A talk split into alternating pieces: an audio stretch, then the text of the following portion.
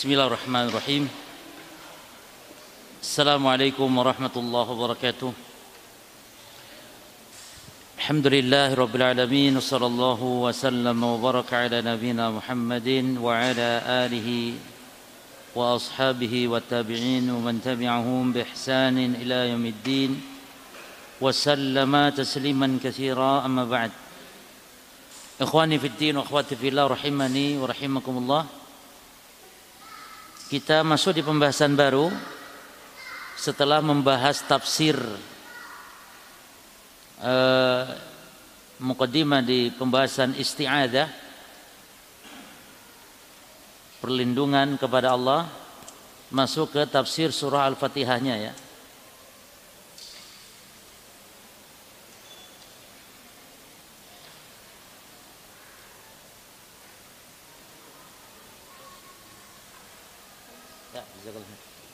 Taib.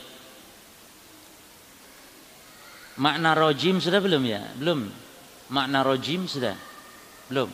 Berarti kita baca dulu sedikit pembahasan arti dari uh, makna ar-rojim dalam a'udzu billahi minasyaitani ar-rojim. Makna syaitan sudah. Ya kan? Setan jin, setan manusia. Makna rojim. War-rojimu fa'ilun bimakna maf'ulin Ar-rajim itu wazan fa'il namun maknanya objek maf'ul. Yani maknanya annahu marjumun, setan itu marjum, terkutuk. Matrudun terusir. Anil khairi kullihi dari kebaikan semuanya. Artinya dari segala kebaikan. Ya. Itu makna al-marjum. Jadi rojim maknanya marjum. Apa artinya matrud? Yani terusir. Kita terjemahkan biasanya apa? Terku, terkutuk. Ya. Kama qala ta'ala sebagaimana Allah Ta'ala berfirman dalam surah Al-Mulk ayat yang kelima. Ya. Walaqad zayyana as-samaa'a ad-dunya bimasabiha wa ja'alnaha rujuman lisyayatin. Sungguh kami telah menghiasi langit kata Allah langit dunia dengan masabih dengan bintang-bintang wajalna dan kami jadikan ya langit itu uh, bintang itu rujuman lisyayatin sebagai rujum bagi syaitan. Nah, rujum artinya apa? Lempar syaitan. Yani terusir terlempar. Nah, ini dalil yang menunjukkan bahwa fungsi bintang yang pertama perhiasan langit. Nah, dalam ayat yang lain, wa qala ta'ala Inna zayanna sama'a dunya bizinatinil kawakib. Ini surah As-Saffat ayat 6 sampai 10. Ya. Sesungguhnya kami menjadi uh, menghiasi langit-langit dunia itu dengan bizinatinil kawakib dengan hiasan bintang-bintang wa hifdhan min kulli syaitanin marid. Ya. Dan telah memelihara dari setan-setan yang marid-marid itu yang marid yang sangat durhaka. Apa bintang itu? Memelihara dari setan yang durhaka. Jadi setiap kali setan mau men, mencuri-curi berita langit dia ter hantam dengan bintang-bintang tersebut. Jadi fungsi bintang untuk melempar syaitan. Dan keadaan pencurian berita langit itu cuma ada tiga kondisinya. Kondisi pertama sebelum Nabi Muhammad diutus menjadi Nabi Rasul. yakni kondisi pencurian berita langit sebelum nabi-nabi terdahulu. Maka ini sering terjadi dan banyak terjadi. Lalu pada waktu Nabi Muhammad diutus ini fase kedua itu fase pencurian berita langit itu terputus, enggak ada pencurian berita langit dari syaitan. Pada masa Nabi Muhammad masih menerima wahyu karena demi menjaganya syariat atau wahyu. Ah, baru setelah Nabi wafat, wahyu berhenti di zaman kita sekarang. Bagaimana keadaan pencurian berita langit oleh syaitan? Ada namun tidak sebanyak dulu sebelum Nabi Muhammad diutus. Jadi masa-masa banyak pencurian baitul langit dulu sebelum Nabi Muhammad SAW diutus. Inilah tiga kondisi. Nah, la yasamma'una la yasamma'una illa al-mala'i al-a'la dan tidaklah setan-setan itu mendengar-dengar yakni pembicaraan berita langit para malaikat wa yukdzafuna min kulli janib dan dia dilempar ya para malaikat melempari min kulli janib dari segala penjuru. Nah, yang melempar bukan malaikat maksudnya ketika mereka mencari-cari berita, mencuri berita malah para malaikat. Maka yukdafuna min kulli janib maka setan-setan itu dilempar dari segala penjuru duhuran duhuran walahum adabu wasib.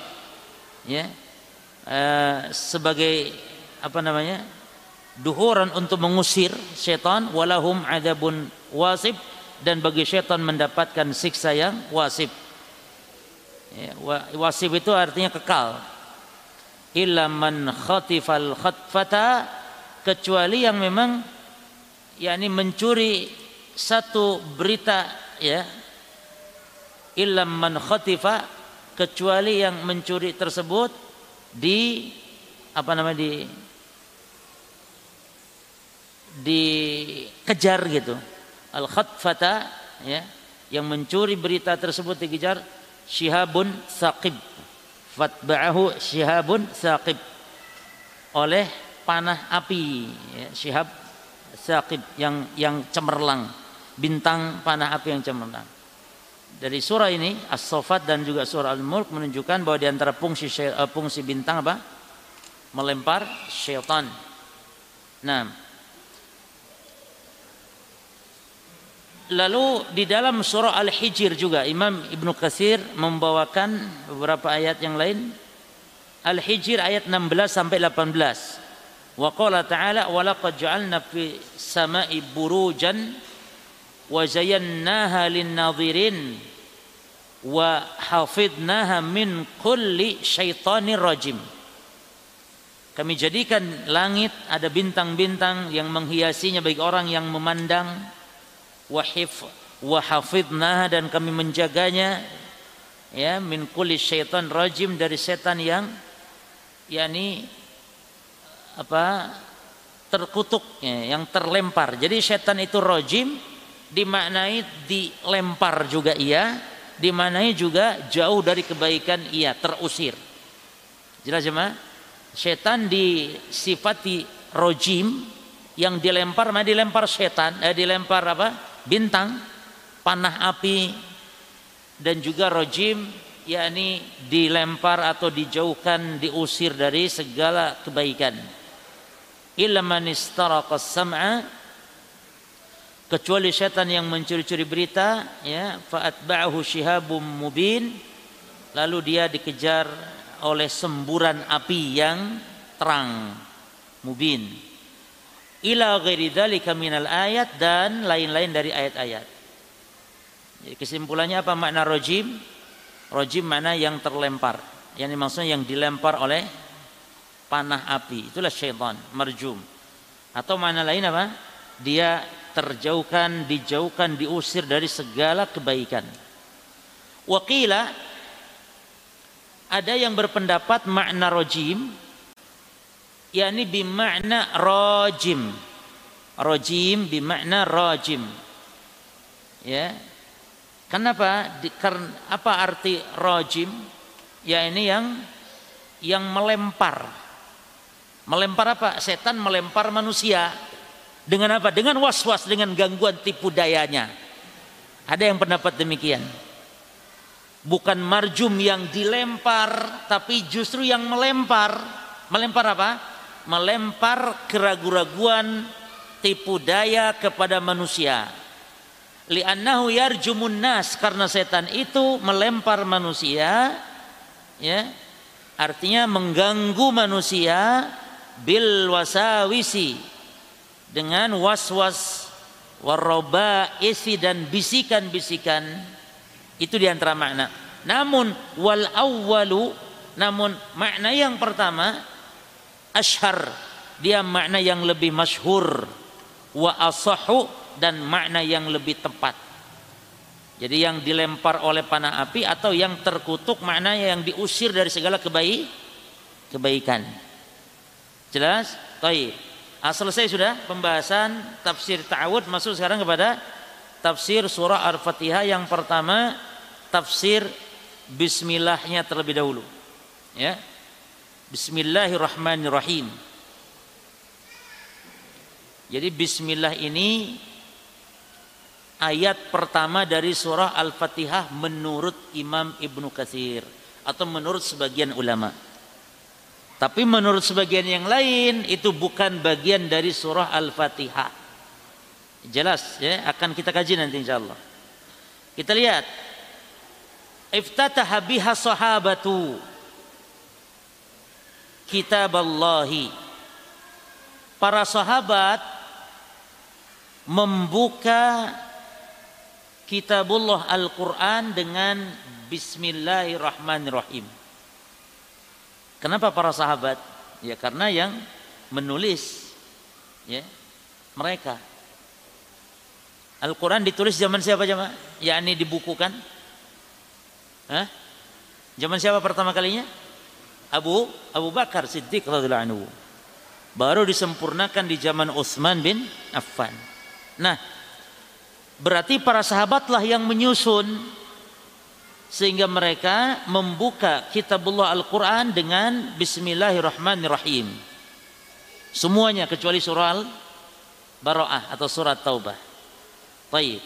karena para sahabat khilaf apakah bagian dari Bara'ah atau bukan sehingga dibiarkan enggak dibubuhkan basmalah Taib. Wattafaqal ulama ala annaha ba'du ayatin min suratin namli. Perhatikan kata Imam Ibnu Katsir, sepakat para ulama bahwa bismillahirrahmanirrahim itu adalah bagian dari ayat di surah An-Naml. Ayat yang ke-31. Ya yaitu firman Allah innahu min Sulaiman wa innahu Bismillahirrahmanirrahim. Sesungguhnya ini surat dari Sulaiman dan di dalamnya ada bismillahirrahmanirrahim. Nah, lafaz bismillahirrahmanirrahim itu sepakat ulama. Enggak ada khilaf. Sepakat ulama kalau itu bagian dari surah An-Naml. Ayat yang ada lafaz bismillah itu. Ikhtalafu namun kemudian mereka berbeda pendapat hal hiya ayatun mustaqillatun apakah bismillah itu ayat yang tersendiri? Ini ayat nomor satu. Fi awali kulli surah. Di setiap awal surat. Yakni di Al-Fatihah ayat satunya Bismillahirrahmanirrahim. Di surah Al-Baqarah ayat satunya Bismillahirrahmanirrahim ayat satunya. Ayat duanya Alif Lam Mim. Ayat tiganya Dzalikal Kitabu. Dan seterusnya. Ini khilaf ulama. Apakah dia ayat yang tersendiri ya. Atau au min awal kulli suratin kutibat fi awwaliha. Atau dia itu min awal kulli suratin kutibat fi awwaliha. Atau dia bagian dari surat ya yakni apakah basmalah terpisah dari surat-surat tersebut atau ayat satu bagian dari surat-surat tersebut? Jelas ya? Jadi basmalahnya terpisah. Ayat satunya ya Alhamdulillahirrahmanirrahim ayat satunya ya alif lam mim dalikal kitabu. Atau dia ayat satu bismillah itu. Nah ini khilaf para ulama. Au anha ba'du ayatin min awwali kulli surah atau dia sebagian ayat di setiap awal tiap-tiap surah. Ya. Jadi ada tiga kemungkinan bismillah itu. Satu, dia bukan ayat. Tapi hanya pembuka saja dalam setiap surah. Yang kedua, dia bagian dari ayat tersebut, ayat pertama. Ya. Atau dia masuk kepada surat tersebut, ya, masuk ke dalam surat tersebut walaupun tidak harus ayat yang pertama. Yang penting masuk kepada surat tersebut. Nah, nanti akan kita rojihkan di antara pendapat. Nah, wa mimman hukiya anhu annaha ayatun min kulli suratin illa bara'atun di antara yang berpendapat bahwa basmalah itu adalah ayat di setiap surat ayat di setiap surat ya. Kecuali surat Baro'ah yakni surat At-Taubah yaitu Ibnu Abbas radhiyallahu anhuma. Wa Ibnu Umar demikian pula Ibnu Umar.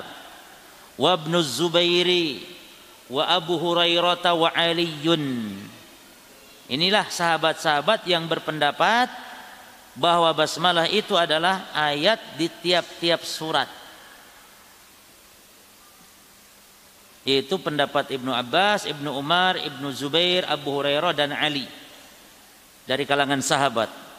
Wa minat tabi'in dari kalangan tabi'in siapa? Atha bin Abi Rabah murid Ibnu Abbas. Wa Tawus.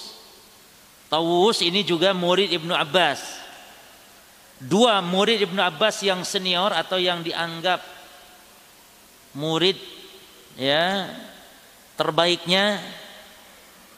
Yang pertama Sa'id bin Jubair. Yang kedua Taus.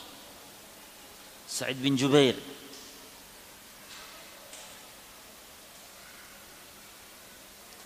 Taus, Taus itu nama aslinya Jakwan.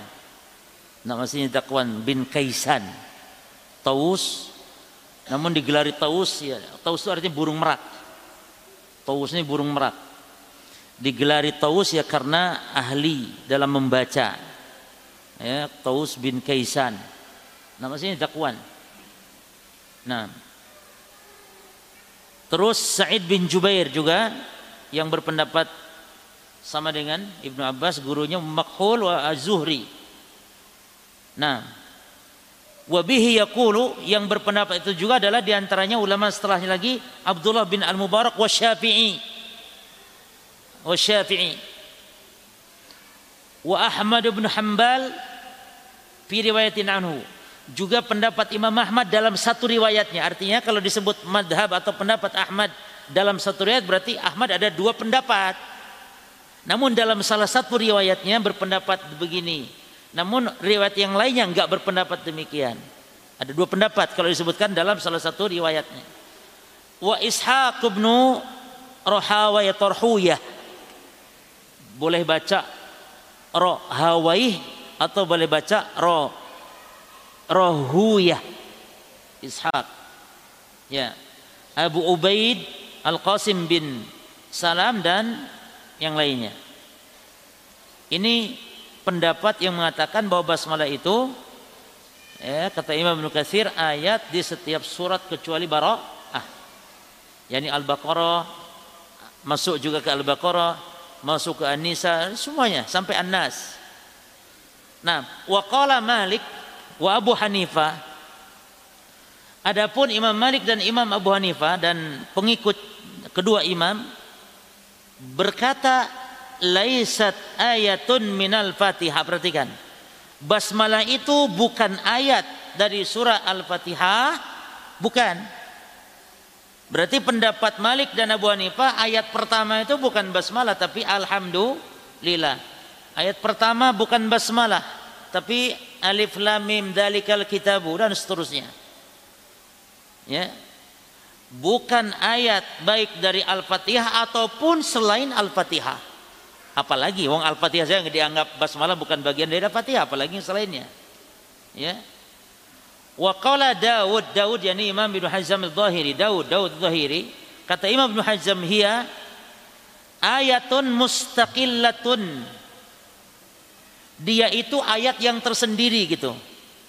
Artinya itu bagian dari ayat Quran tapi enggak masuk ayat pertama Tapi ayat yang tersendiri di awal setiap surah tapi la minha tapi bukan bagian dari surat-surat tersebut.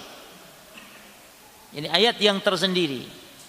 Wahadi riwayatun dari Imam Ahmad Dana. Ini ada sebagian pendapat Imam Ahmad. Ya. Taib. Berarti para jamaah sekalian, kita akan kaji dulu perselisihan para ulama di poin ini ya di poin ini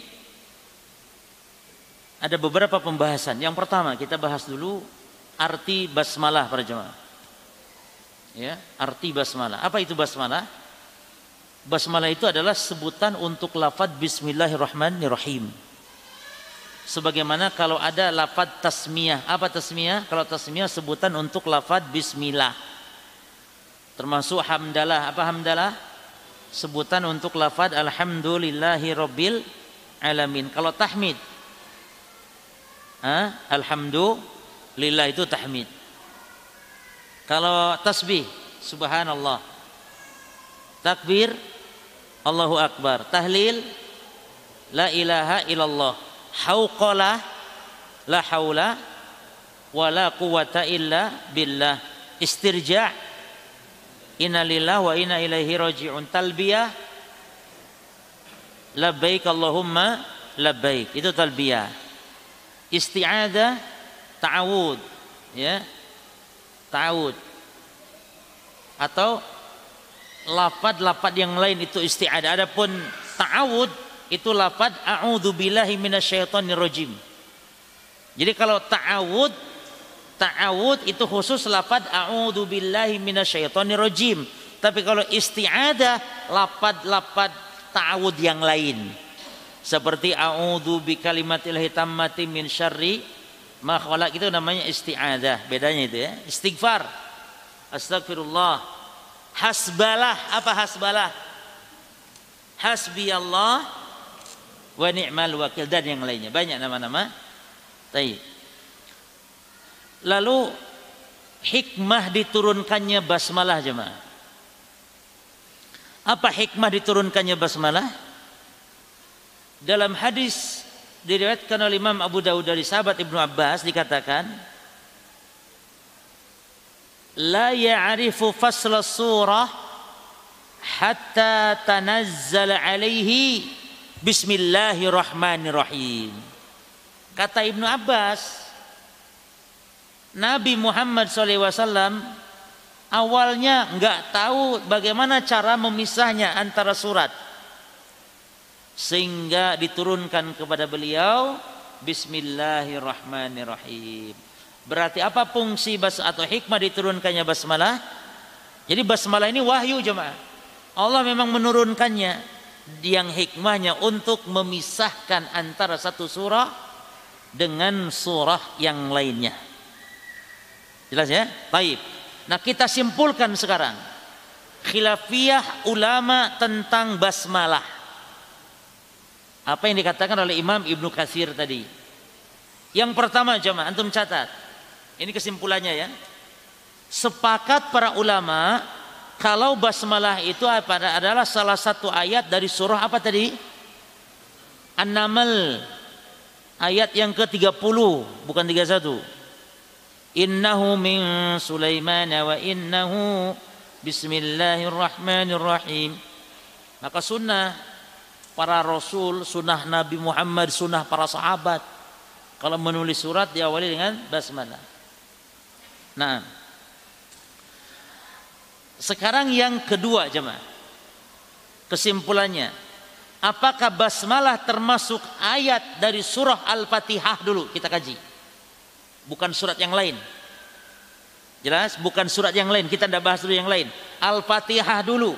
Apakah basmalah termasuk ayat dari surah Al-Fatihah? Al-jawab ada dua pendapat. Kesimpulannya. Pendapat pertama, basmalah bagian dari surah Al-Fatihah. Pendapat pertama. Pendapat kedua, basmalah bukan bagian dari surah Al-Fatihah, bukan dan juga bukan surat-surat lainnya. Ini pendapat siapa tadi? Imam Abu Hanifah dengan siapa? Imam Ma? Malik. Jadi yang kedua pendapat bukan bagian dari surah Al-Fatihah, bukan pula bagian apalagi gitu ya, bukan dari surat-surat yang lainnya kecuali dikecualikan selain surah An An-Naml. Jelas? Surah An-Naml.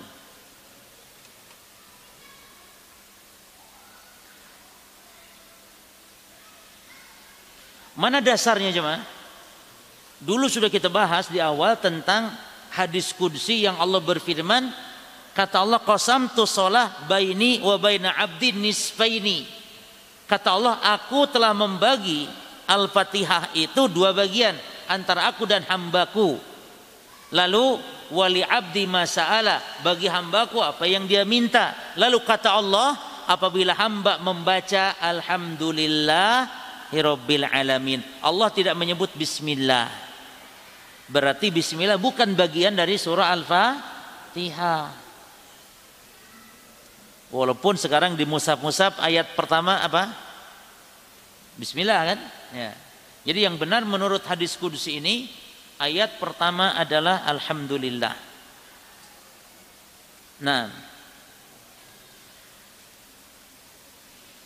menurut sebagian ulama alasannya juga selain itu adalah kalau dimasukkan basmalah kepada ayat pertama di surah Al-Fatihah bagian dari Al-Fatihah alasannya tidak munasib karena adanya pengulangan lafad Ar-Rahman Ar-Rahim setelah lafad bismillah. Ya. Atau setelah eh, alhamdulillahirabbil alamin. Ya. Ada Ar-Rahman Ar-Rahim di situ jadi kalau Bismillahirrahmanirrahim Alhamdulillahirabbil alamin Ar-Rahmanirrahim lagi. Nah, pengulangan ini pengulangan ini sebagian ulama berpendapat itu kurang munasib, kurang cocok itu adanya pengulangan seperti itu. Ya. Karena adanya pengulangan lafaz Ar-Rahman Ar-Rahim setelah alhamdulillah. Nah. Terus yang ketiga sekarang. Apakah bismillah termasuk di antara surat-surat Al-Quran ya ini ada dua pendapat yang ini. Surat-surat Al-Quran kita sudah selesai baca al eh, bahas Al-Fatihah. Sekarang apakah basmalah bagian atau termasuk di antara surat-surat Al-Quran ada dua pendapat? Pendapat pertama dulu Basmalah adalah ayat di setiap surat Al-Quran kecuali Baro'ah. Ini pendapat siapa tadi loh yang disebutkan banyak berderet sahabatnya ini, tabiinnya ini. Jelas ya tadi ya? Siapa di antaranya sahabat? Ibnu Abbas, Ibnu Umar, Ibnu Zubair, Abu Hurairah dan Ali. Tabiinnya siapa? Atha, Taus, Sa'id bin Jubair, Makhul dan Az-Zuhri. Demikian pula Ibnu Mubarak dan Syafi'i serta Ahmad bin Hambal menurut satu riwayatnya. Termasuk Ishaq ya. Toib sekarang minta dalilnya. Mana dalil yang mengatakan bahwa bismillah basmal bukan bismillah ikhwan hati-hati. Bukan bismillah tapi basmalah. Sebab kalau bismillah bismillah itu arti tasmiyah. Bismillah saja tok. Yang kita bahas ini basmalah yakni bismillahirrahmanirrahim. Itu basmalah. Nah, mana dalilnya kalau basmalah itu bagian dari atau ayat dari surat-surat Al-Qur'an? Ya. Jadi ayat pertama basmalah ayat Al surah Al-Baqarah juga basmalah masuk.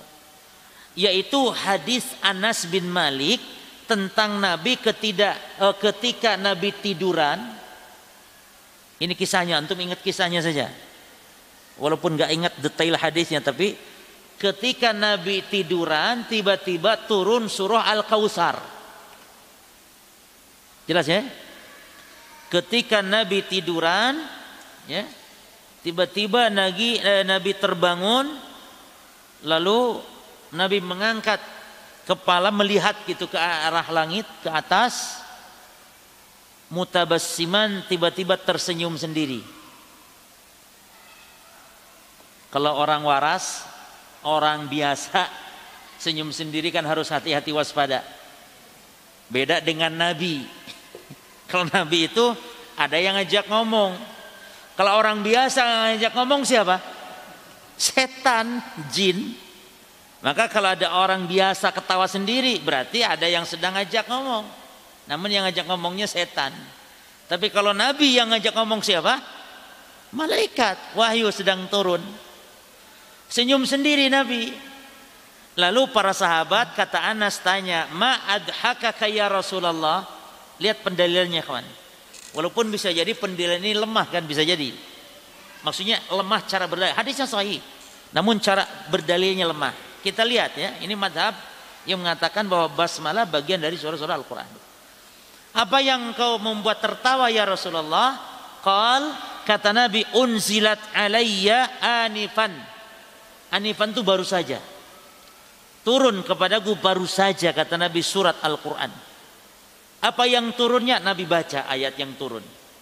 Faqara'a kata Anas Nabi membaca perhatikan Bismillahirrahmanirrahim. Inna a'tainakal kautsar fasalli li rabbika wanhar. Inna syani'aka huwal abtar. Nabi baca apa? Bismillah dulu. Bismillahirrahmanirrahim. Inna a'tainakal kautsar fasalli li rabbika wanhar. Inna syani'aka huwal abtar. Sebenarnya ini bahasan kita. Namun hadis ada lanjutannya. Kata Nabi, Atadruna mal kausar. Kalian tahu tidak apa itu al kausar? Jadi tafsir al kausar ini banyak ikhwan. Yang mengerucut tafsir al kausar itu kepada tafsiran secara umum dan tafsiran secara khusus. Kalau secara umum apa? Al kausar yakni al khair al kathir, kebaikan yang banyak. Tafsir yang khusus al kausar apa? Nabi mengatakan dalam hadis ini nahrun wa'adanihi rabbi azza wajal sungai yang Allah janjikan Rabbku atau yang dijanjikan oleh Rabbku kepadaku. Ya. Cuman dalam hadis-hadis yang lain kadang-kadang telaga disebut juga Al-Kausar. Jadi Al-Kausar ini sungai para jemaah, sungai Al-Kausar. Ada lagi dalam hadis yang lain disebut telaga Kausar. Maka ini tidak bertentangan. Jadi yang benar Al-Kausar itu adalah sungai di surga. Namun terkadang telaga, kalau telaga adanya di padang mahsyar, dia bukan di surga dia. Namun kenapa telaga Al-Hawd kadang disebut Al-Kausar juga dalam hadis. Kenapa sebabnya jemaah? Karena airnya yang ada di telaga, yang ada di padang mahsyar, airnya itu dari sungai Kausar yang ada di surga. Sehingga tidak masalah ketika telaga itu disebut Al-Kausar karena apanya? Hah? Karena airnya bukan tempatnya. Jadi yang benar yang benar al-haud haud ada telaga. Dengan al-kautsar itu kadang haud disebut al-kautsar kenapa? Karena sungainya berasal dari surga. Jadi tidak bertentangan dalam hal ini. Namun tempatnya yang benar al-kautsar itu sungai di surga. Nah nah dalam hadis ini kawan dalam hadis ini yang ini hadis riwayat Muslim yang menjadi pembahasan kita atau sumber pendalilan apa para jamaah Nabi membaca ya membaca surah Al-Kautsar yang dikatakan baru saja turun itu dengan basmalahnya lengkap. Kalau memang cuman Al-Kautsarnya yang turun ya, ya tidak perlu dibaca kan gitu. Ini menurut pendapat yang mengatakan bahwa basmalah bagian dari surah-surah Al-Qur'an. Jelas ya, Mbak ya? Pendalilannya jelas yang penting ya. Taib. Namun mana yang kuat nanti-nanti. Sekarang pendapat kedua dulu. Basmalah bukan bagian dari ayat Al-Quran. Kalau Al-Fatihah kan sudah kita bahas tadi. Bukan bagian dari ayat Al-Quran kecuali surah An-Naml. Ini pendapatnya Malik dan Imam Abu Hanifah. Nah, dalil mereka apa jemaah? Dalil mereka adalah ketika turun surat yang pertama kali kepada Nabi di Gua Hiro. Surat apa? Al-Alaq. Surah Al-Alaq. Maka di dalam surah Al-Alaq kok tidak ada basmalahnya. Sebagaimana dalam hadis Aisyah. Bukhari Muslim. Berarti seolah-olah dengan hadis Al-Kausar tadi. Hadis tentang turunnya surah Al-Kausar ya Nabi baca Bismillahirrahmanirrahim di dalam uh, hadis tentang turunnya surah yang pertama kali Al-Alaq, Nabi tidak baca Bismillahirrahmanirrahim. Berarti di sini jelas para jamaah. Kalau ulama berbeda pendapat, entah itu sahabat, tabi'in, tabi' tabi'in, ternyata perbedaan mereka berkisar dalam masalah memahami apa? dalil atau sampai tidaknya dalil jamaah. Sebenarnya begitu saja. Makanya hal-hal seperti ini kita harus lapang dada. Ya. Contoh dalam kasus kita ini, bisa jadi Nabi membaca surah Al-Kautsar kok pakai bismillah karena demikianlah adabnya. Jadi bukan berarti bismillahnya turun saat itu, bukan. Tapi karena Nabi membaca karena surat ini turun satu apa namanya? Hah? Satu satu ikat begitu ya. Sehingga Nabi baca bismillah. Beda kalau ayat cuma turun bukan satu surat, tapi ayat cuma satu ayat. Seperti Iqra bismi rabbikal khalaq barangkali karena dianggap bukan satu surat sempurna sehingga mungkin Nabi tidak membaca bismillah. Ya. Maka Allah taala alam mana pendapat yang roji dalam masalah ini para jemaah sekalian bahwa bismillah ayat atau salah satu ayat tersendiri yang Allah turunkan memang Allah menurunkannya secara khusus untuk memisahkan antara satu surat dengan surat yang lainnya. Namun bukan bagian dari surat-surat tersebut. Buktinya di Al-Fatihah tadi dalilnya hadis kursi tidak baca bismillah.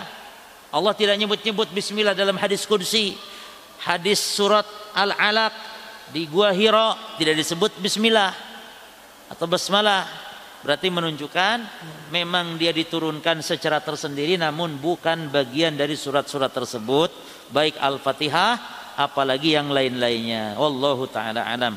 Ya. Taib. Azan dulu, fadhil. Salat dulu tuh. Hah? Oh, nah.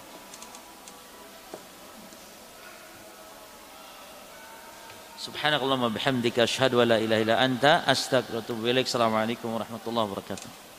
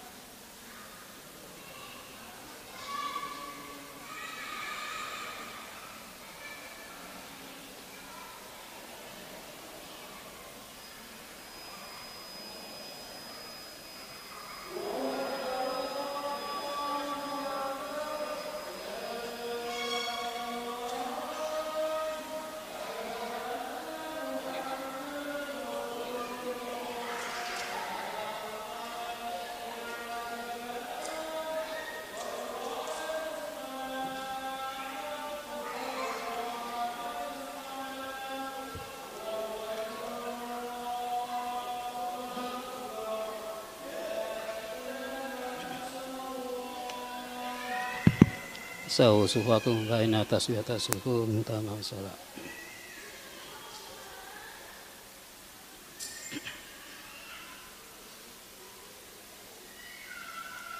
Allahu akbar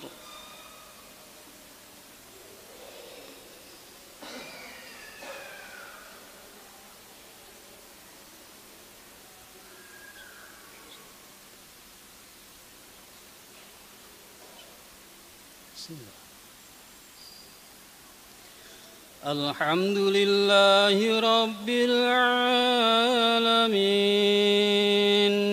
الرحمن الرحيم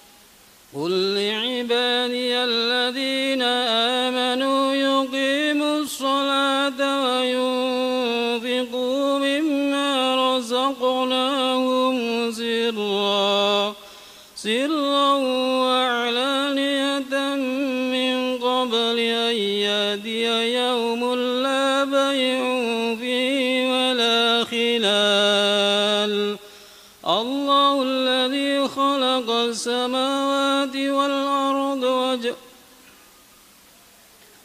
الله الذي خلق السماوات والأرض وأنزل من السماء ماء فأخرج به من الثمرات رزقا لكم وسخر لكم الفلك لتجري في البحر بأمره وسخر لكم الأنهار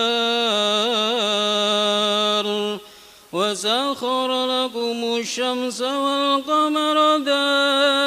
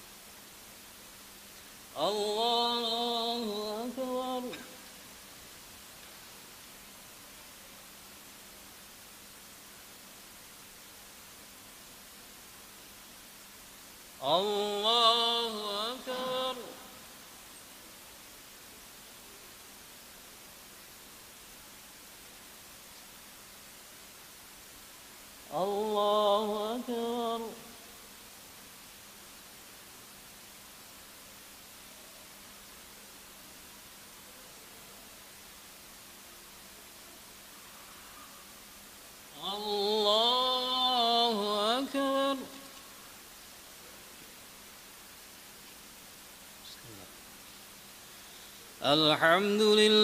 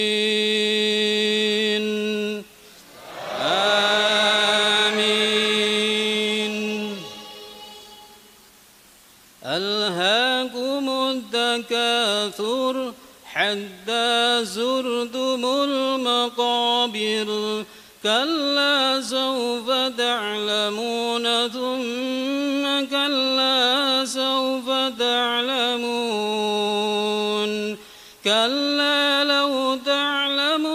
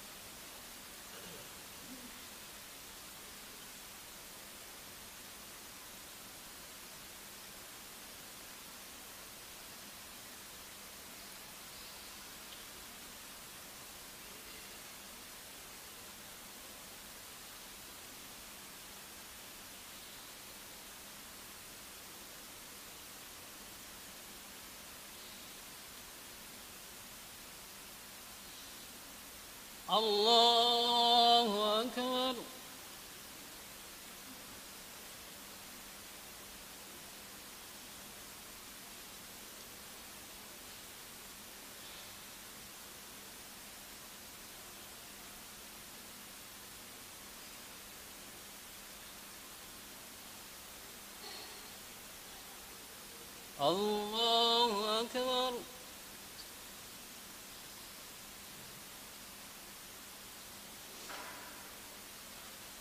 سمع الله لمن حمده.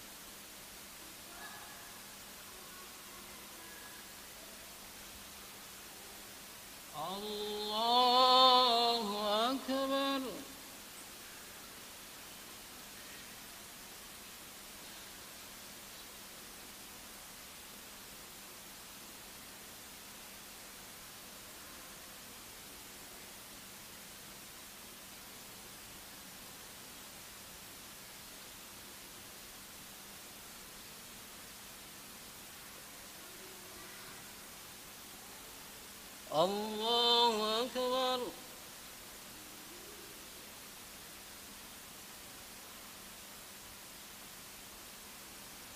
سمع الله لمن حمده.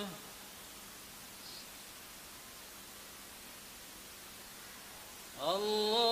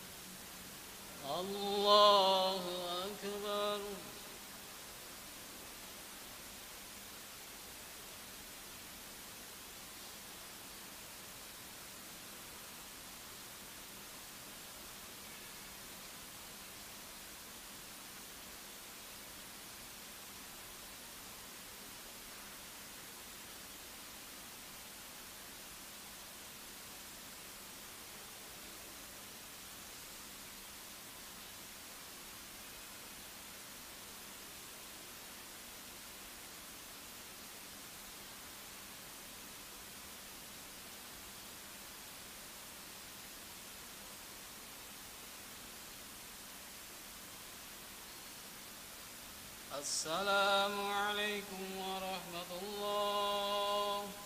السلام عليكم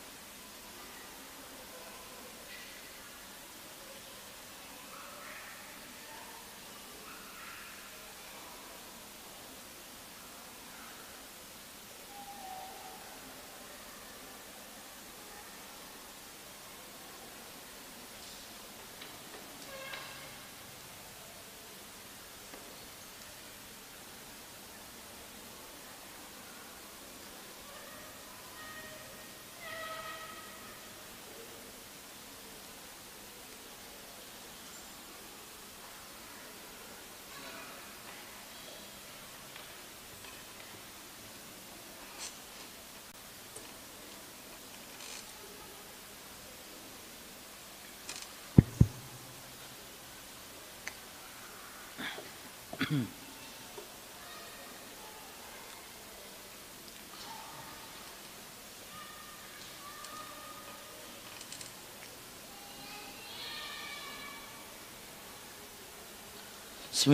Alhamdulillah wassalatu wassalamu ala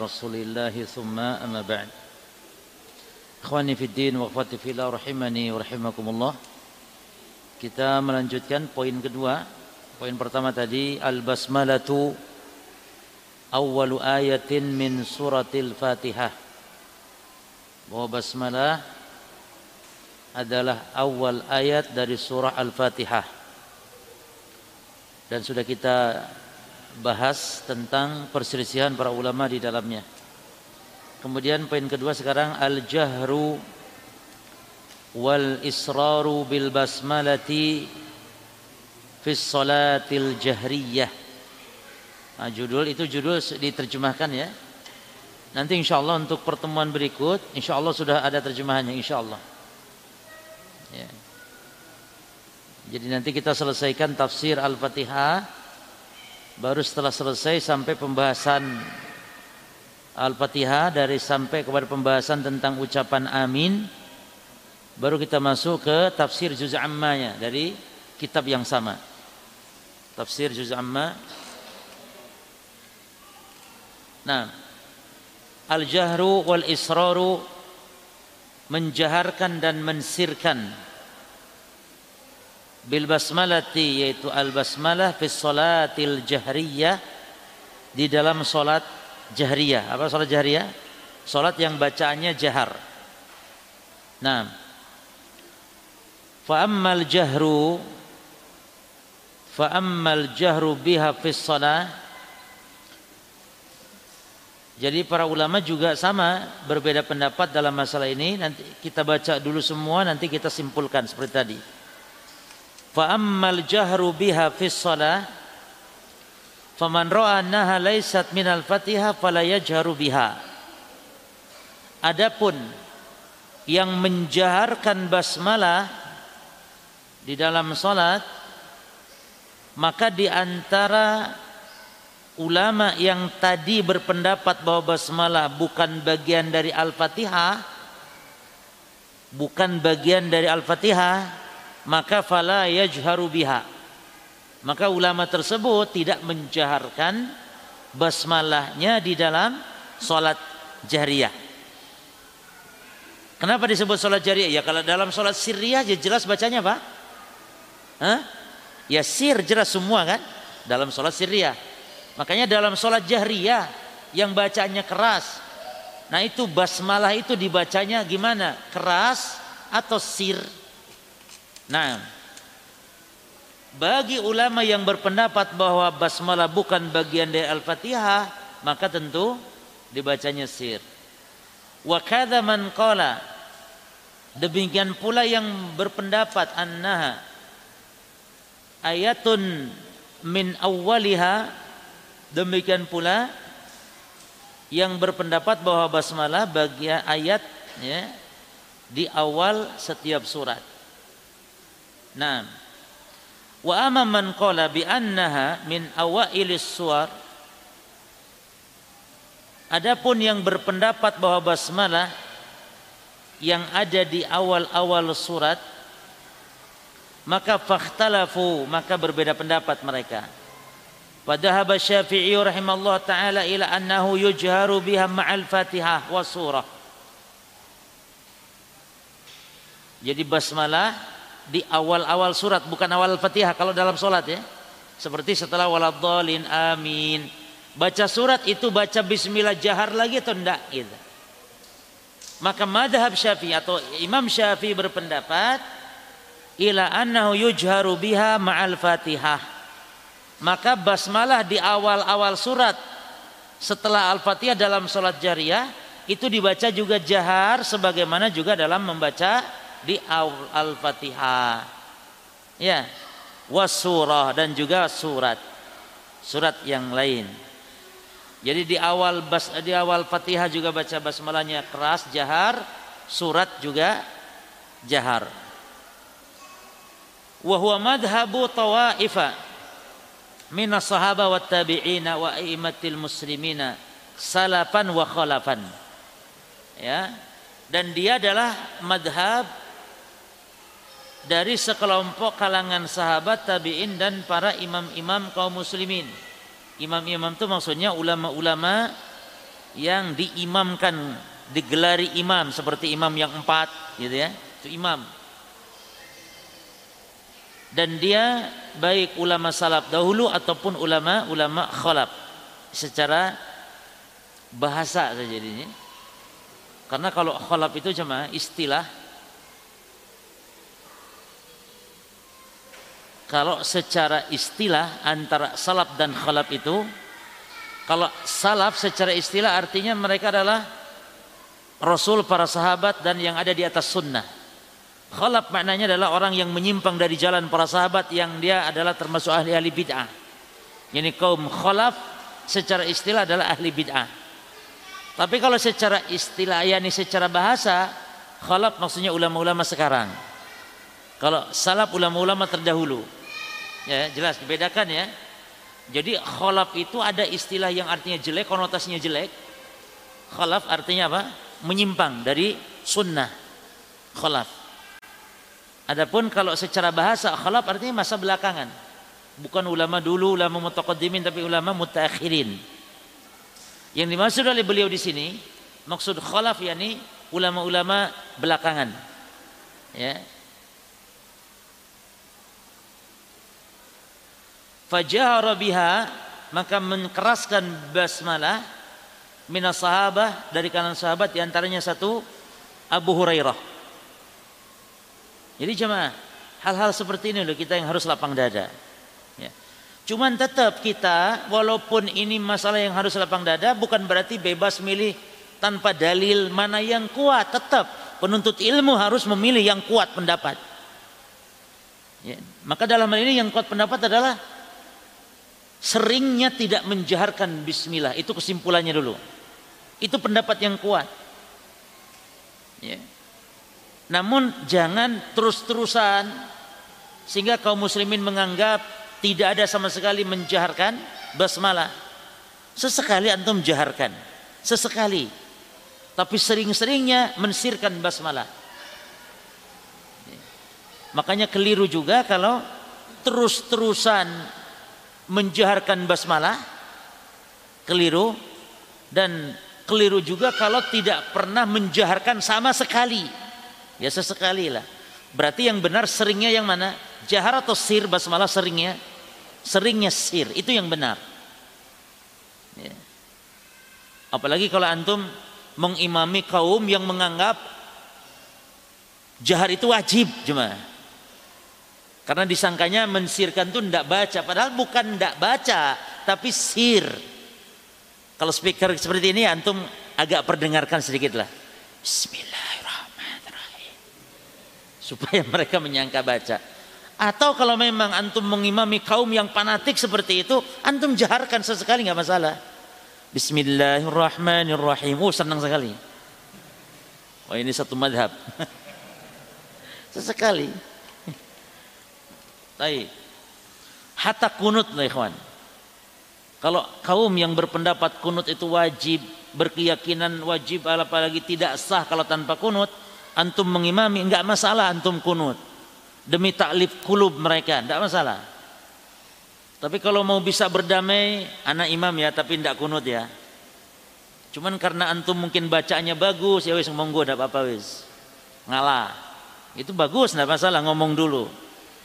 Ya, tapi kalau merasa oh enggak sah. Sampai kan ada yang ngulang sholat subuhnya kan gara-gara enggak kunut. Ini musibah ya padahal Imam Syafi'i sendiri mengatakan sunnah ada tidak wajib. Ya. Makanya ada seorang apa kiai dari kalangan kiai NU juga. Aku heran katanya orang NU itu. Ninggal kunut kayaknya takut. Takut disebut ndak NU. Tapi tumak ninah katanya rukun sholat mereka tinggalkan katanya gitu. Katanya aku heran sama orang NU itu kan. Dia orang kiai NU juga. Tapi ucapan dia tuh betul.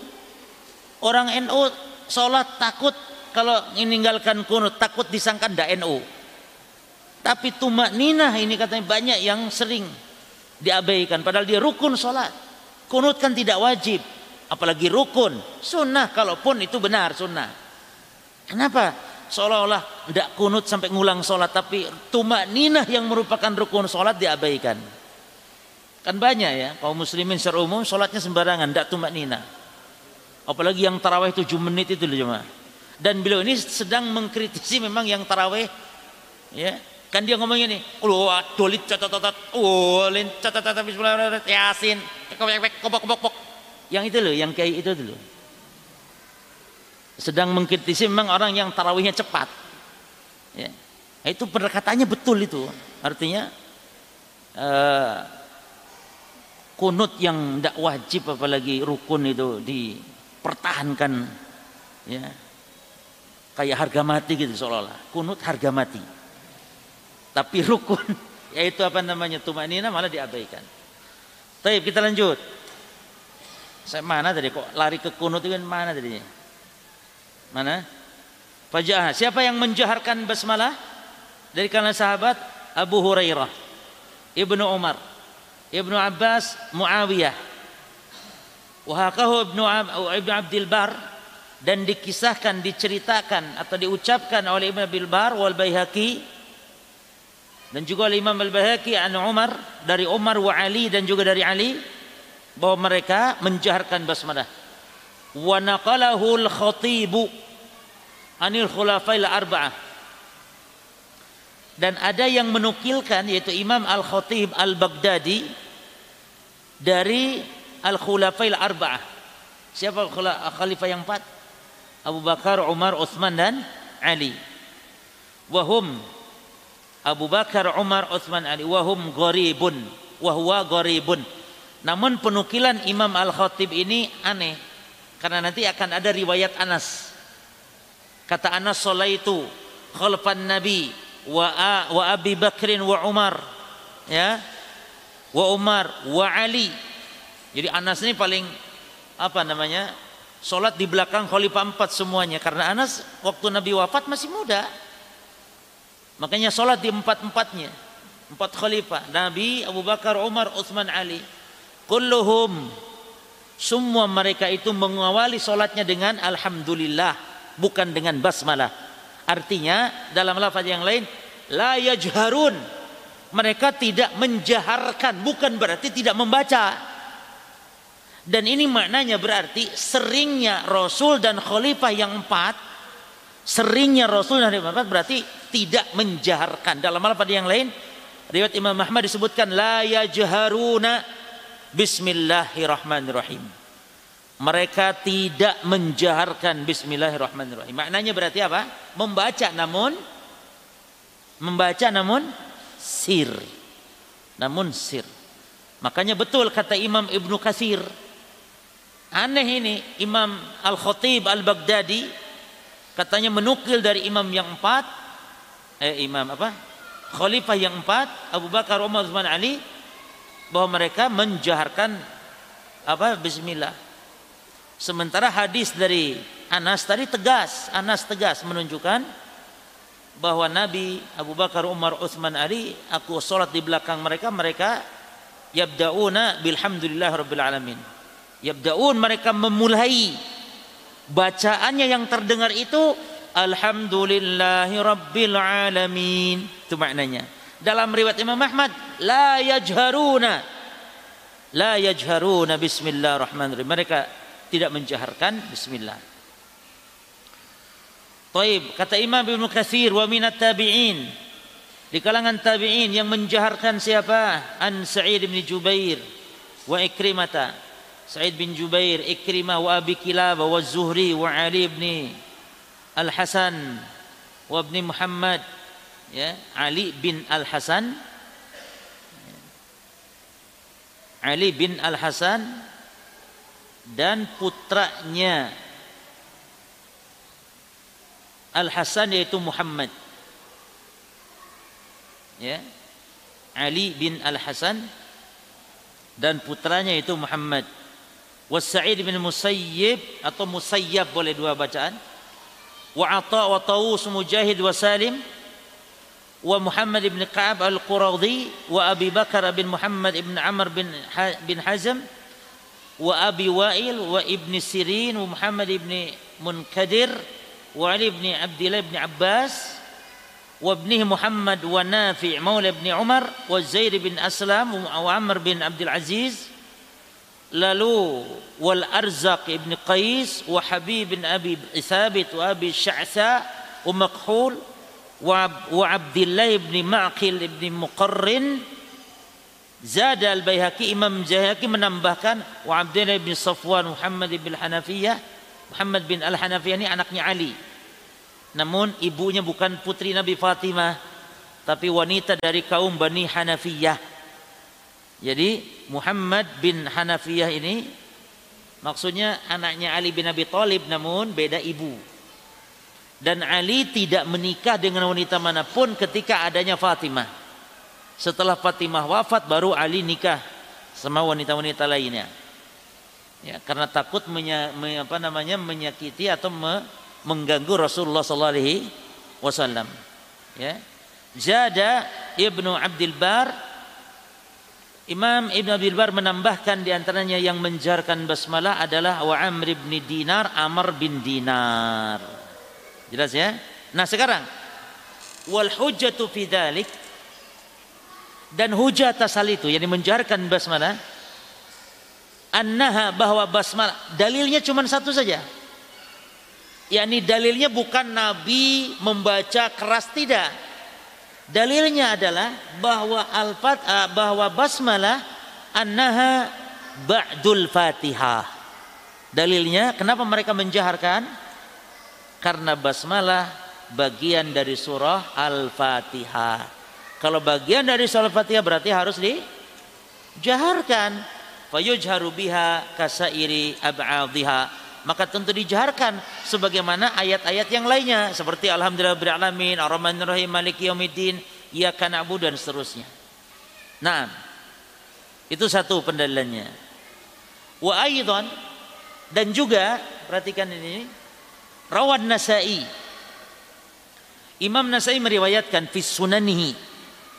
Di dalam Sunan Nasai wa Ibnu Khuzaimah wa Ibnu Hibban demikian pula Imam Ibnu Khuzaimah dan Imam Ibnu Hibban fi sahihaihima. Di dalam kedua kitab sahihnya. Jadi yang punya kitab sahih bukan hanya Bukhari. Ada Ibnu Khuzaimah sahih Ibnu Khuzaimah dan ada sahih Ibnu Hibban. Ya. Wal hakim fi mustadrakihi. Dan Imam Al-Hakim dalam kitab Mustadrak. Mustadrak adalah tambahan catatan tambahan terhadap kitab Sahih Bukhari. Ya, an Abi Hurairah dari Abu Hurairah perhatikan ini dalilnya annahu bahwasanya Abu Hurairah shalla salat fajahara fi qiraatihi bil basmalati dan beliau menjaharkan dalam bacaannya dengan bismillah. Hadis Nabi bukan? Bukan, tapi perbuatan Abu Hurairah. Jadi masih lemah. Kita butuh dalil yang nabi. Adapun yang alhamdulillah tadi sudah jelas hadis Anas bin Malik sahih. Kata Anas salaitu khalfan Nabi wa Abi Bakrin wa Umar wa Uthman wa Ali yabda'una bi Bismillahirrahmanirrahim mereka mengawalinya dengan bismillah. Ini tegas berarti. Ini hadis sahih marfu hukman. Ya. Karena kata Anas, aku sholat di belakang Nabi. Semua mereka mengawali dengan bismillah dengan alhamdulillah rabbil alamin. Dalam lafaz Ibnu Muhammad la yajharuna bil basmalah bil la yajharuna bismillahirrahmanirrahim. Tidak menjarkan bismillah. Terus wa qala ba'da an faragha Perhatikan berjemaah. Ini juga sebagai penguat ya. Dan berkata berkata Abu Hurairah ba'da an faraga setelah selesai salat inni la ashbahukum salatan bi Rasulillah kata Abu Hurairah aku nih yang paling mirip salatnya daripada kalian dengan Rasulullah sallallahu alaihi wasallam. Nah, berarti di sini sama dengan hadis Anas kuat berarti. Dan Abu Hurairah menjaharkan bismillah. Sekarang apa ini tidak sombong lah ini? Kata Hurairah, aku nih loh yang paling persis sholatnya dengan sholat Rasul daripada kalian. Jadi Abu Hurairah ingin menguatkan kalau bahwa membaca Bismillah adalah perbuatan Nabi. Ya, karena paling persis dengan sholatnya Rasulullah. Jelas ya? Namun hadis ini sahih tidak kan gitu. Riwayat Abu Hurairah ini. Nah, ini tidak bukan kesombongan para jamaah ya. Jadi kalau para sahabat ngomong begitu tuh bukan menunjukkan kesombongan tapi untuk menguatkan apa yang diriwayatkan. Ya, bukan sombong tujuannya tapi untuk menguatkan. Jadi seolah-olah aku nih sholat seperti ini diriwayatkan dari Rasulullah gitu loh. Seolah-olah begitu, tidak masalah. Bukan menunjukkan kesombongan. Gitu. Tapi kalau antum ngomong gitu, wah ini repot. Aku nih loh sholat paling sama sama Rasul. Oh bahaya ya kawan. Ya. Ini sahabat dalam rangka meriwayatkan hadis gitu. Nah, wasahhahu Daraqutni wal Khatibu wal Baihaqi wa ghairuhum. Riwayat Abu Hurairah ini disahihkan oleh Imam Daraqutni, Al-Imam Al-Khatib Al-Baghdadi wal Baihaqi wa ghairuhum dan selain mereka. Ya. Baik. Kemudian ikhwan, Hadis tadi lewat siapa tadi? Ya, Darakutni, ya, Al-Khatib, Al-Bahaki dan yang lain. Tapi kita lihat sekarang hadis Anas.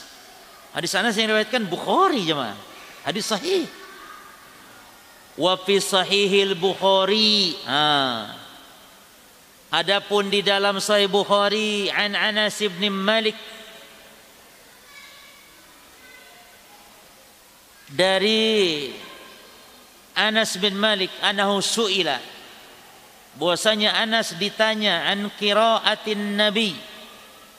Dari bacaannya Nabi sallallahu alaihi wasallam faqal lalu Anas mengatakan kanat qiraatuhu maddan bahwa bacaan Nabi itu maddan panjang. Panjang itu yakni Bismillahirrahmanirrahim. Berhenti. Alhamdulillahi Alamin atau maddan maknanya Nabi memotong-motongnya.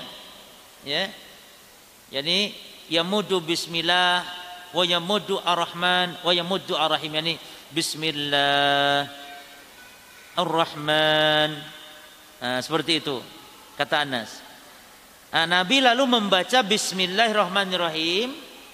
Yamudu bismillah wa yamudu ar-rahman wa yamudu ar-rahim dari hadis Anas ini para jemaah belum belum menunjukkan kalau yang dimaksud membaca basmalah ketika mau membaca Fatihah.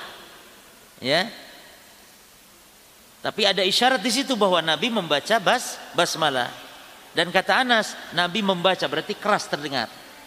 Nah, hadis Anas ini riwayat Bukhari menguatkan bahwa Nabi membaca bismillah. Kita tidak menafikan para jemaah kita tidak menafikan kalau Nabi membaca bismillah, betul. Cuman masalah mana yang Nabi sering lakukan makanya membaca bismillah dilakukan Nabi. Maka kita pun sesekali membaca karena Nabi melakukan. Namun mana yang sering? Ah, yang sering Nabi membaca dengan mengawali alhamdulillah yani dengan mensirkannya. Jelas ya? Wa fi musnadil Imam Ahmad wa sunan Abi Daud wa sahih Ibnu Khuzaimah. Dan di dalam musnad Al-Imam Ahmad Musnad Kitab Musnad itu apa jemaah? Kitab kumpulan hadis yang metode penyusunannya bukan berdasarkan bab-bab hadis tapi berdasarkan rawi-rawi hadis. yakni kalau rawi sahabat Abu Hurairah, Abu Hurairah semua. Jadi bingung, babnya campur aduk jemaah. Bab sholat campur bab jihad, bab jihad campur bab jinayat, campur aduk. Maka kalau membaca kitab musnad dalam bentuk asli kitab musnad membingungkan. Ya. Nah, dan memang rata-rata kitab hadis seperti itu bukan untuk bukan untuk dikaji, dibaca begitu, tidak jemaah. Tapi untuk pembahasan. Jadi kalau kita ingin mengkaji sebuah bahasan dicari di kitab itu apa yang bisa diambil dari hadis-hadis dan semisal. Ya. Ada apalagi kita para penuntut baru ya, pemula dalam belajar agama, maka bukan begitu cara mengkaji. Ya, langsung kitab Sahih Bukhari ngaji Sahih Bukhari itu bukan begitu atau Sahih Muslim. Tidak, tapi kitab-kitab mukhtasarat, kitab-kitab kecil, matan-matan Antum baca matan atau belum syarahnya itu sudah tidak masalah. Baca matannya terjemahkan apa maksudnya sedikit. Baca apalagi kalau ada syarahnya ulama para masyayikh yang mensyarahkan baca sama syarahnya. Itu bagus seperti itu. Usul salasa baca syarahnya. Ya. antum bagi pemula ya coba biasakan membaca kitab-kitab Syekh Ibnu Utsaimin yang matan-matanya yang beliau syarah itu juga boleh seperti usul salasa yang syarahnya Syekh Ibnu Saimin ya baca kawaidul arba dan semisal dalam ilmu-ilmu dasar seperti itu juga Syekh Utsaimin punya kitab tentang usul fikih namanya Al Usul min Ilmil Usul. Itu ringkas praktis, mudah paham. Nah, itu seperti itu. Baca karya-karya beliau insyaallah bermanfaat. Yang kedua baca kitab karya-karya Syekh Soleh Fauzan. Bahasanya mudah bahasanya. Syekh Fauzan ya. Kitab tauhid baca syarahnya kitab uh, kawaidul arba'ah beliau punya kitab Syekh Fauzan itu bagus kitab mensyarah kitab Rasail yakni karya-karya Syekh Muhammad bin Abdul Wahab disyarah oleh Syekh Fauzan. Kawaidul arba'ah usul salasa kemudian nawakidul Islam dan seterusnya. Itu bagus ya. Usul sita nah, itu dasar. Dibaca penjelasan Syekh Fauzan enak.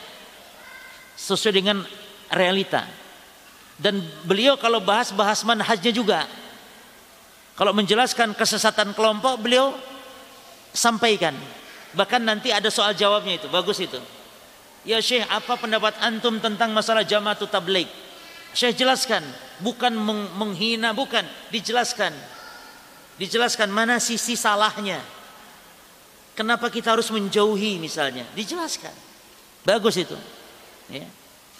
Demikian para jemaah. Jadi dan membaca tuh jangan cekcok cekcok, baca selesaikan gitu loh jemaah. Antum harusnya dari mulai sekarang.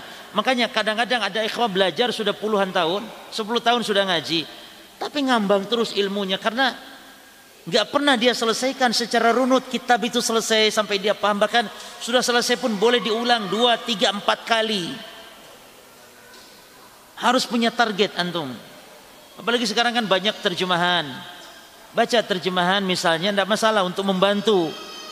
Nanti antum tanya, syukur-syukur ada kajian kajian kitab-kitab dasar seperti itu. Ya. Itu bagus.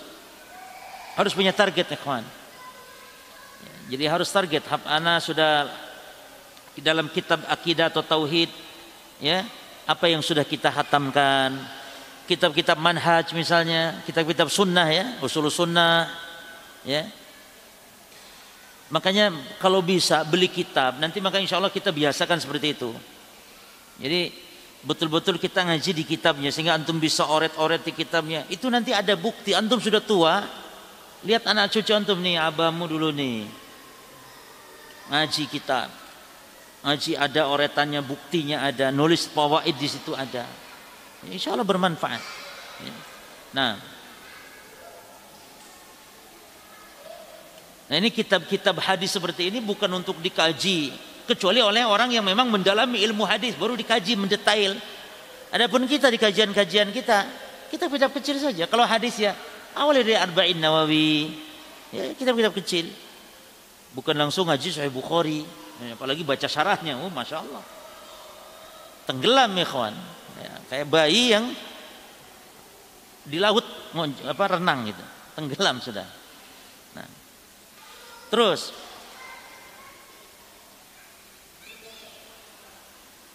An Umi Salamah diriwayatkan oleh Imam Ahmad Sunan Abu Daud Sahih Ibnu Khuzaimah Mustadrak Al-Hakim. Dari Ummu Salamah qalat kana Rasul SAW ini dalil-dalil yang menunjukkan masih Nabi baca bismillah ya yaqta qiraatahu Nabi memotong-motong bacaannya bismillahirrahmanirrahim alhamdulillahirabbil alamin arrahmanirrahim maliki yaumiddin ya Wa qala Daraqutni isnaduhu sahih. Kata Daraqutni hadisnya sahih. Ya. Taib. Jadi hadis-hadis seperti ini perlu diteliti lagi ya kawan. Jadi jangan setiap meneliti uh, menemukan hadis langsung dijadikan dalil. Tidak demikian. Kalau hadis ya. Jadi hadis itu dua kewajiban kita dua kalau terhadap hadis. Satu, keabsahannya diteliti dulu.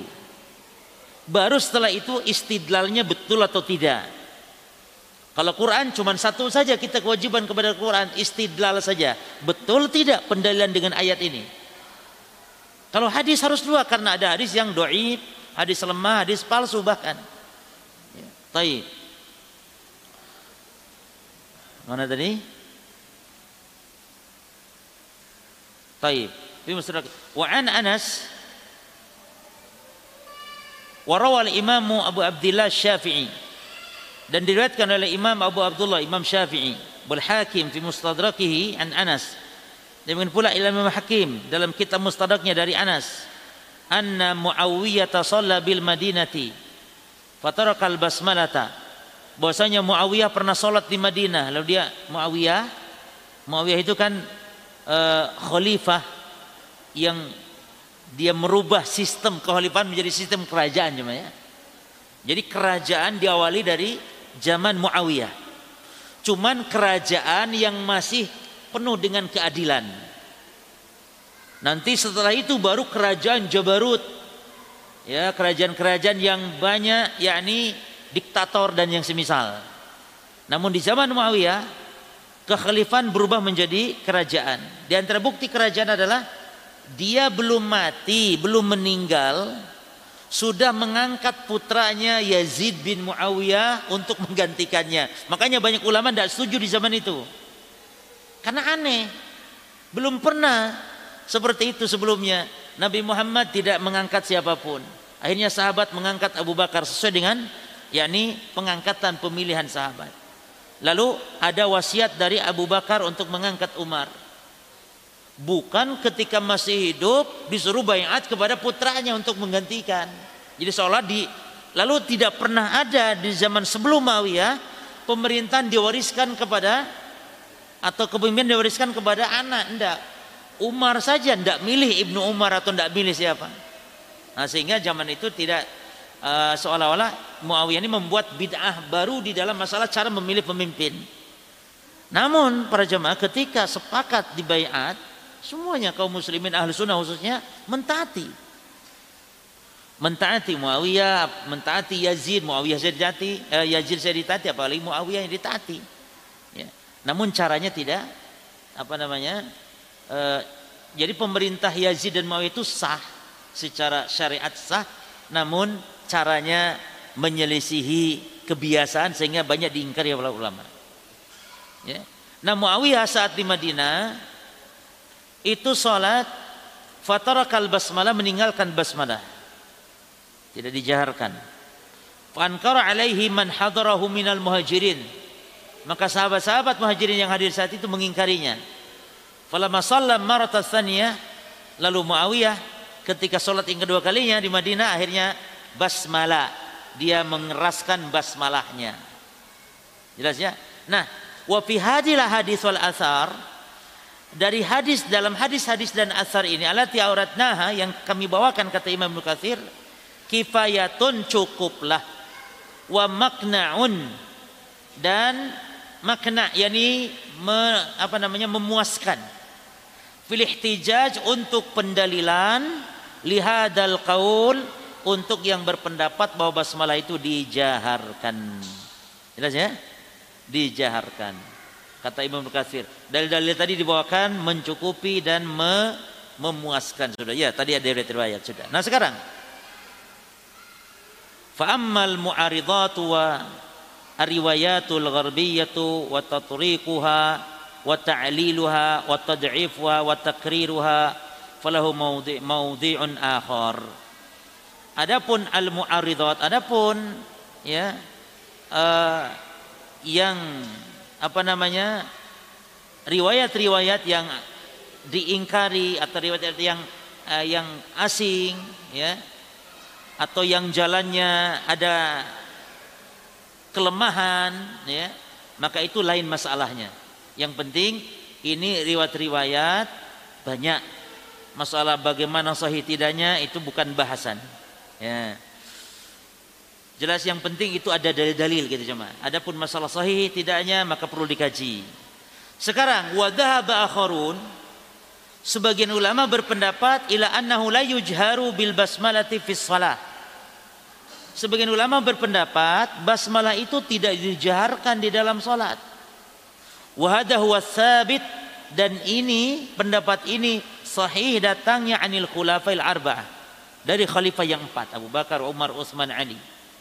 Wa Abdullah bin Mughaffal dan dari sahabat Abdullah bin Al-Mughaffal. Wa tawaif minas salafit tabi'in wal khalaf. Demikian pula dari sekelompok kalangan ulama-ulama salaf dari kalangan tabi'in dan juga dari kalangan ulama-ulama khalaf, ulama-ulama mutaakhirin. Wa huwa madhab perhatikan. Madhab siapa ini yang tidak menjaharkan basmalah? Wa huwa madhab Abi Hanifah was Sauri wa Ahmad bin Hanbal. Ini madhabnya Imam Abu Hanifah, Imam Sauri dan Imam Ahmad bin Hanbal.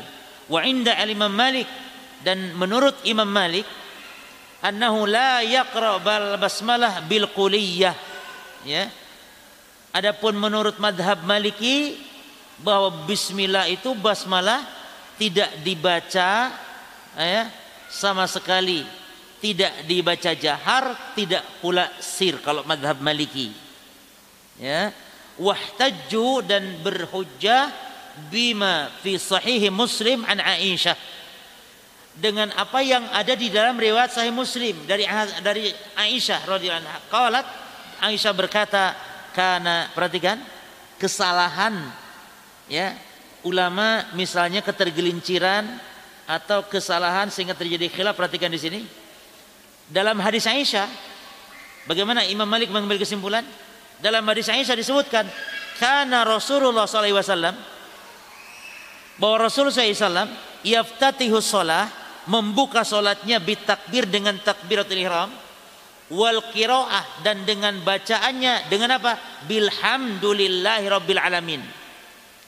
Itu dengan alhamdulillah rabbil alamin.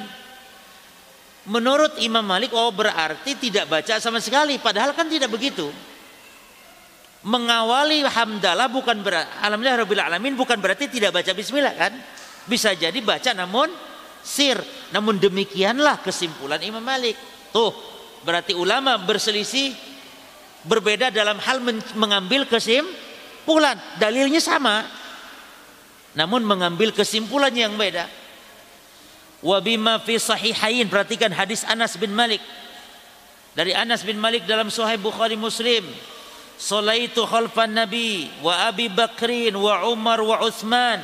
Aku salat di belakang Nabi, di belakang Abu Bakar, di belakang Umar, di belakang Utsman Fakanu yaftatihuna bilhamdillah rabbil alamin.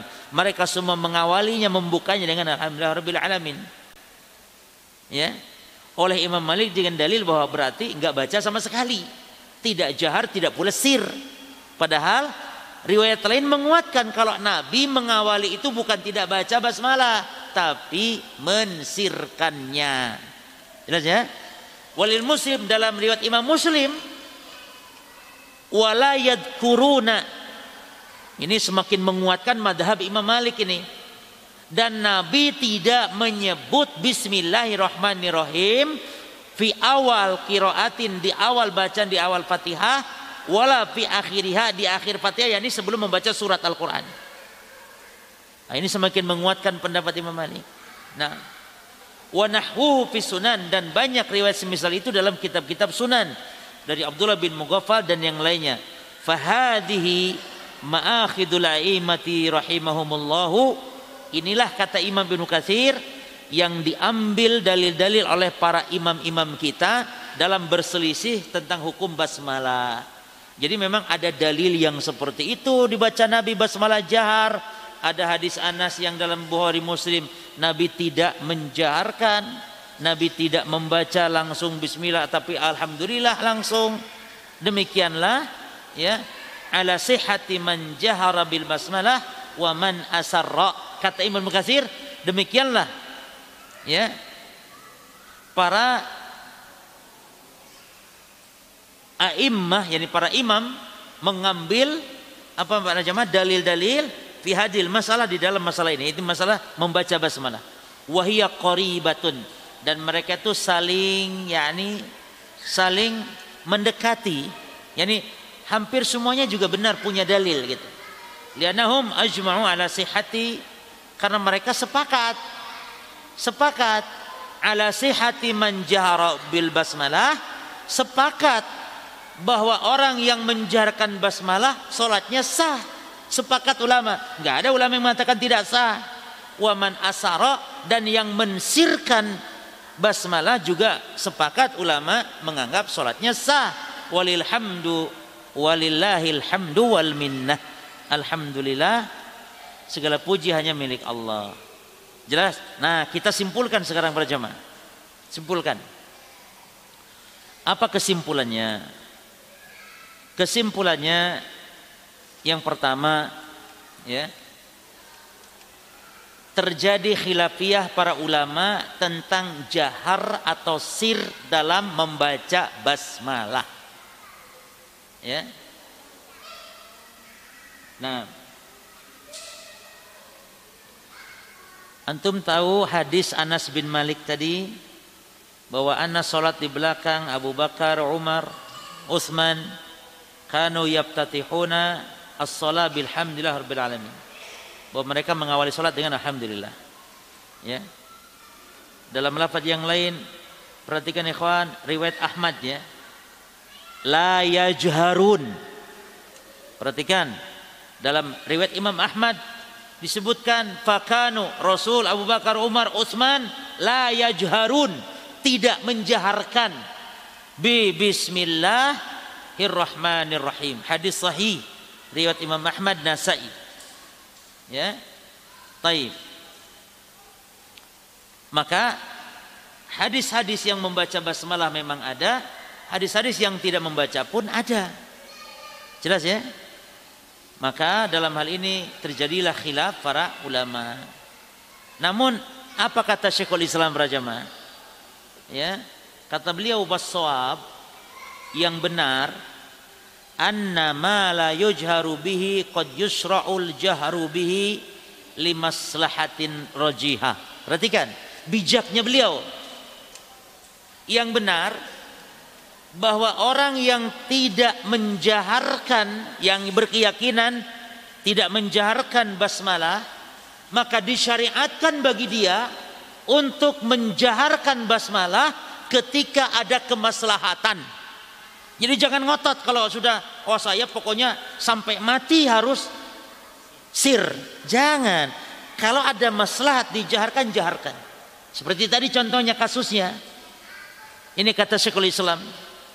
Fayusra'u lil imam ahyanan maka disyariatkan bagi imam terkadang limisli ta'limil ma'mumin misalnya dalam rangka mengajarkan makmum ya wa yasugu lil musallina an yajharu untuk menjaharkan gitu ya bil kalimati al yasira ahyanan wa yasugu aidan an yatrukul insan al afdal li ta'lifil qulub terkadang kadang-kadang kita perlu meninggalkan yang afdol demi taklif kulub manusia aja demi untuk yakni apa namanya taklif kulub itu artinya untuk uh, demi istilahnya untuk membuat orang itu uh, lembut hatinya kemudian yani toleran dalam hal ini supaya orang tidak apalagi timbul misalnya pertengkaran sebagian orang awam apalagi yang jahil dalam masalah ini ya meninggalkan sesuatu yang afdol jemaah afdol menurut kita adalah sir memang namun tinggalkan sesekali demi ta'liful qulub. Bahkan tadi kata Syekh Ibnu Sulaiman rahimahullah, hatta mengimami antum kunut subuh pun di hadapan kaum yang memang kunut dianggap wajib. Tapi kalau tidak ya jangan juga tasahul. Ini bagi kaum yang menganggap kunut wajib ya antum kunut tidak masalah. Ya. Anak juga seperti itu, ikhwan. Kadang kalau terkadang di kampung anak itu ada yang memang full meyakini kunut seperti itu ya anak juga kalau jadi imam kunut subuh itu. Ya. Nah, Makanya suka menghindar, karena suka telat subuh kalau datang sengaja. Kalau awal nanti disuruh jadi imam terus. Tapi mereka harus kunut, ini kan repot. Ya, baik.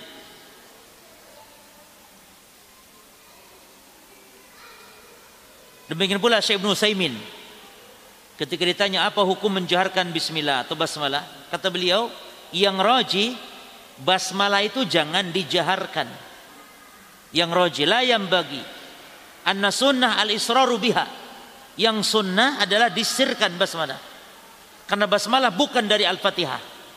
Lakin lau. Namun kalau jahara biha ahyanan. Kalau menjaharkan terkadang-kadang misalnya sesekali. Falah haraj tidak mengapa kata syekh. Bal qad qala ba'du ahli ilm bahkan sebagian ulama mengatakan innahu bagi an yajhara biha ahyanan. Sebagian ulama bahkan mengatakan sesekali harus dijaharkan. Sesekali. Karena memang Nabi juga ada riwayat-riwayat yang menjaharkannya. Lah kok antum seumur hidup tidak pernah jahar? Ada orang yang seumur hidup tidak mau jahar bismillahnya. Sesekali. Ya. Nah, walakin as-sabit ani Nabi anu kana la yajharu biha. Namun yang sahih dari Nabi, Nabi sering tidak menjaharkannya. Wadah wal aula ini yang yang yang yang utama, tidak menjaharkan. Namun kata beliau, lau jahra biha ta'lifan. Kalau menjaharkan demi yakni ta'lif kulub ya bagi kaum yang madhab mereka jahar maka fa'arju ala yakuna bibasan maka semoga hal ini tidak masalah antum jaharkan bagi kaum yang berpendapat madhab mereka menjaharkan basmalah ya apalagi kaum yang suka mungkin menganggap tidak sah, ini tidak sah gitu loh jemaah.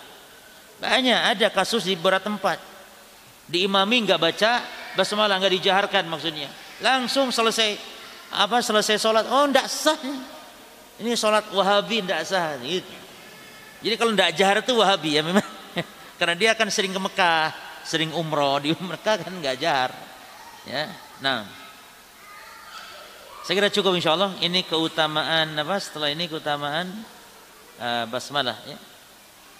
Keutamaan basmalah. Jadi bismillah ini kalau antum ada kaget ada apa ya? Kes, kepleset dan semisal urusnya ibu-ibu khususnya. Kepleset apa? Baca bismillah, bismillah gitu. Itu bisa apa namanya menyelamatkan dari gangguan tipu daya syaitan. Namun biasanya suka latah Misalnya ada kepleset langsung, eh copot copot copot, bukan basmalah, bukan Bismillah tapi eh copot copot. Baik.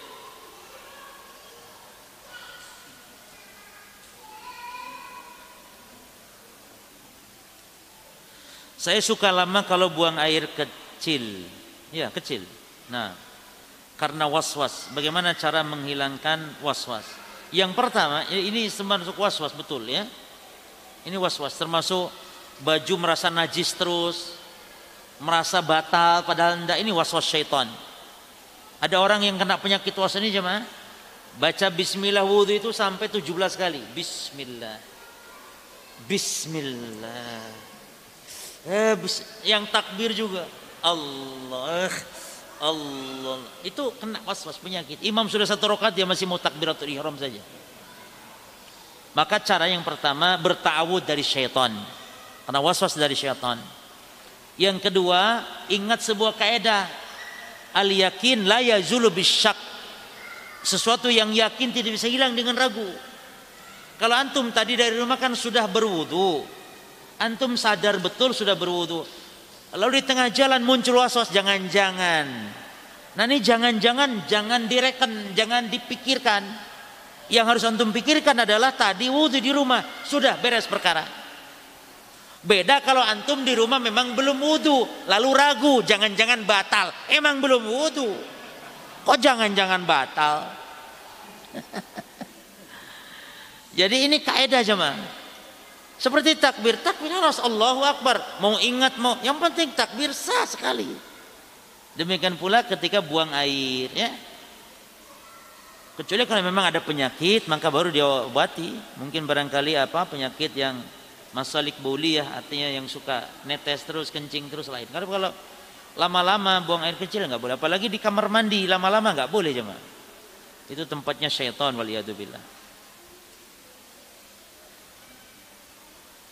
Taib dalam riwayat lain disebutkan bahwa ada tujuh ayat yang diulang-ulang masuknya Al-Fatihah. Jika basmalah tidak termasuk Al-Fatihah, maka ayat yang ketujuh ditentukan bagaimana. Nah, kan sudah ini dulu bahasannya. Dulu sudah dikaji kan? Makanya kalau bismillah masuk ayat pertama, itu nanti ayat yang ketujuh kepanjangan mah.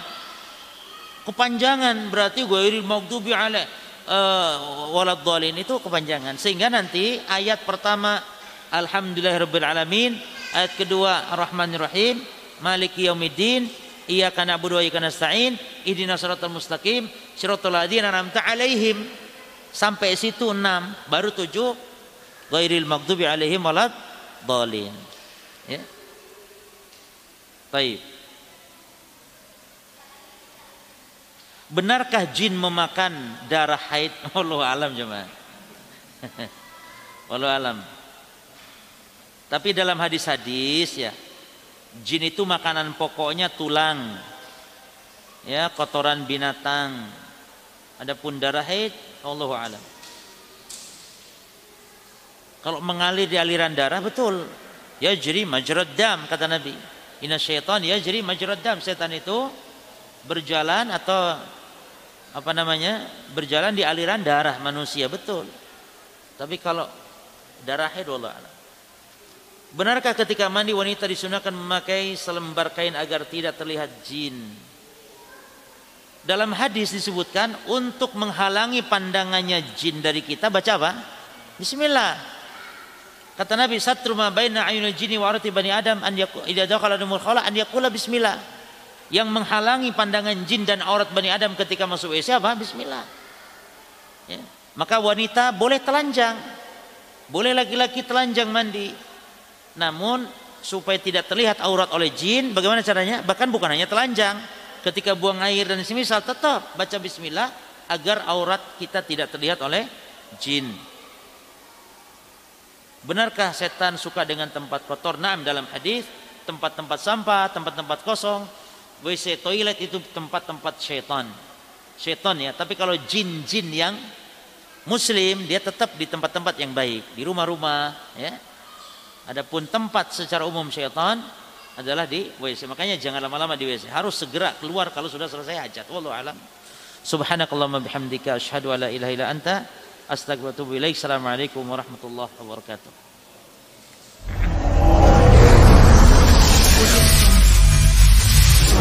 Izin langsung ya. Ada kajian ya.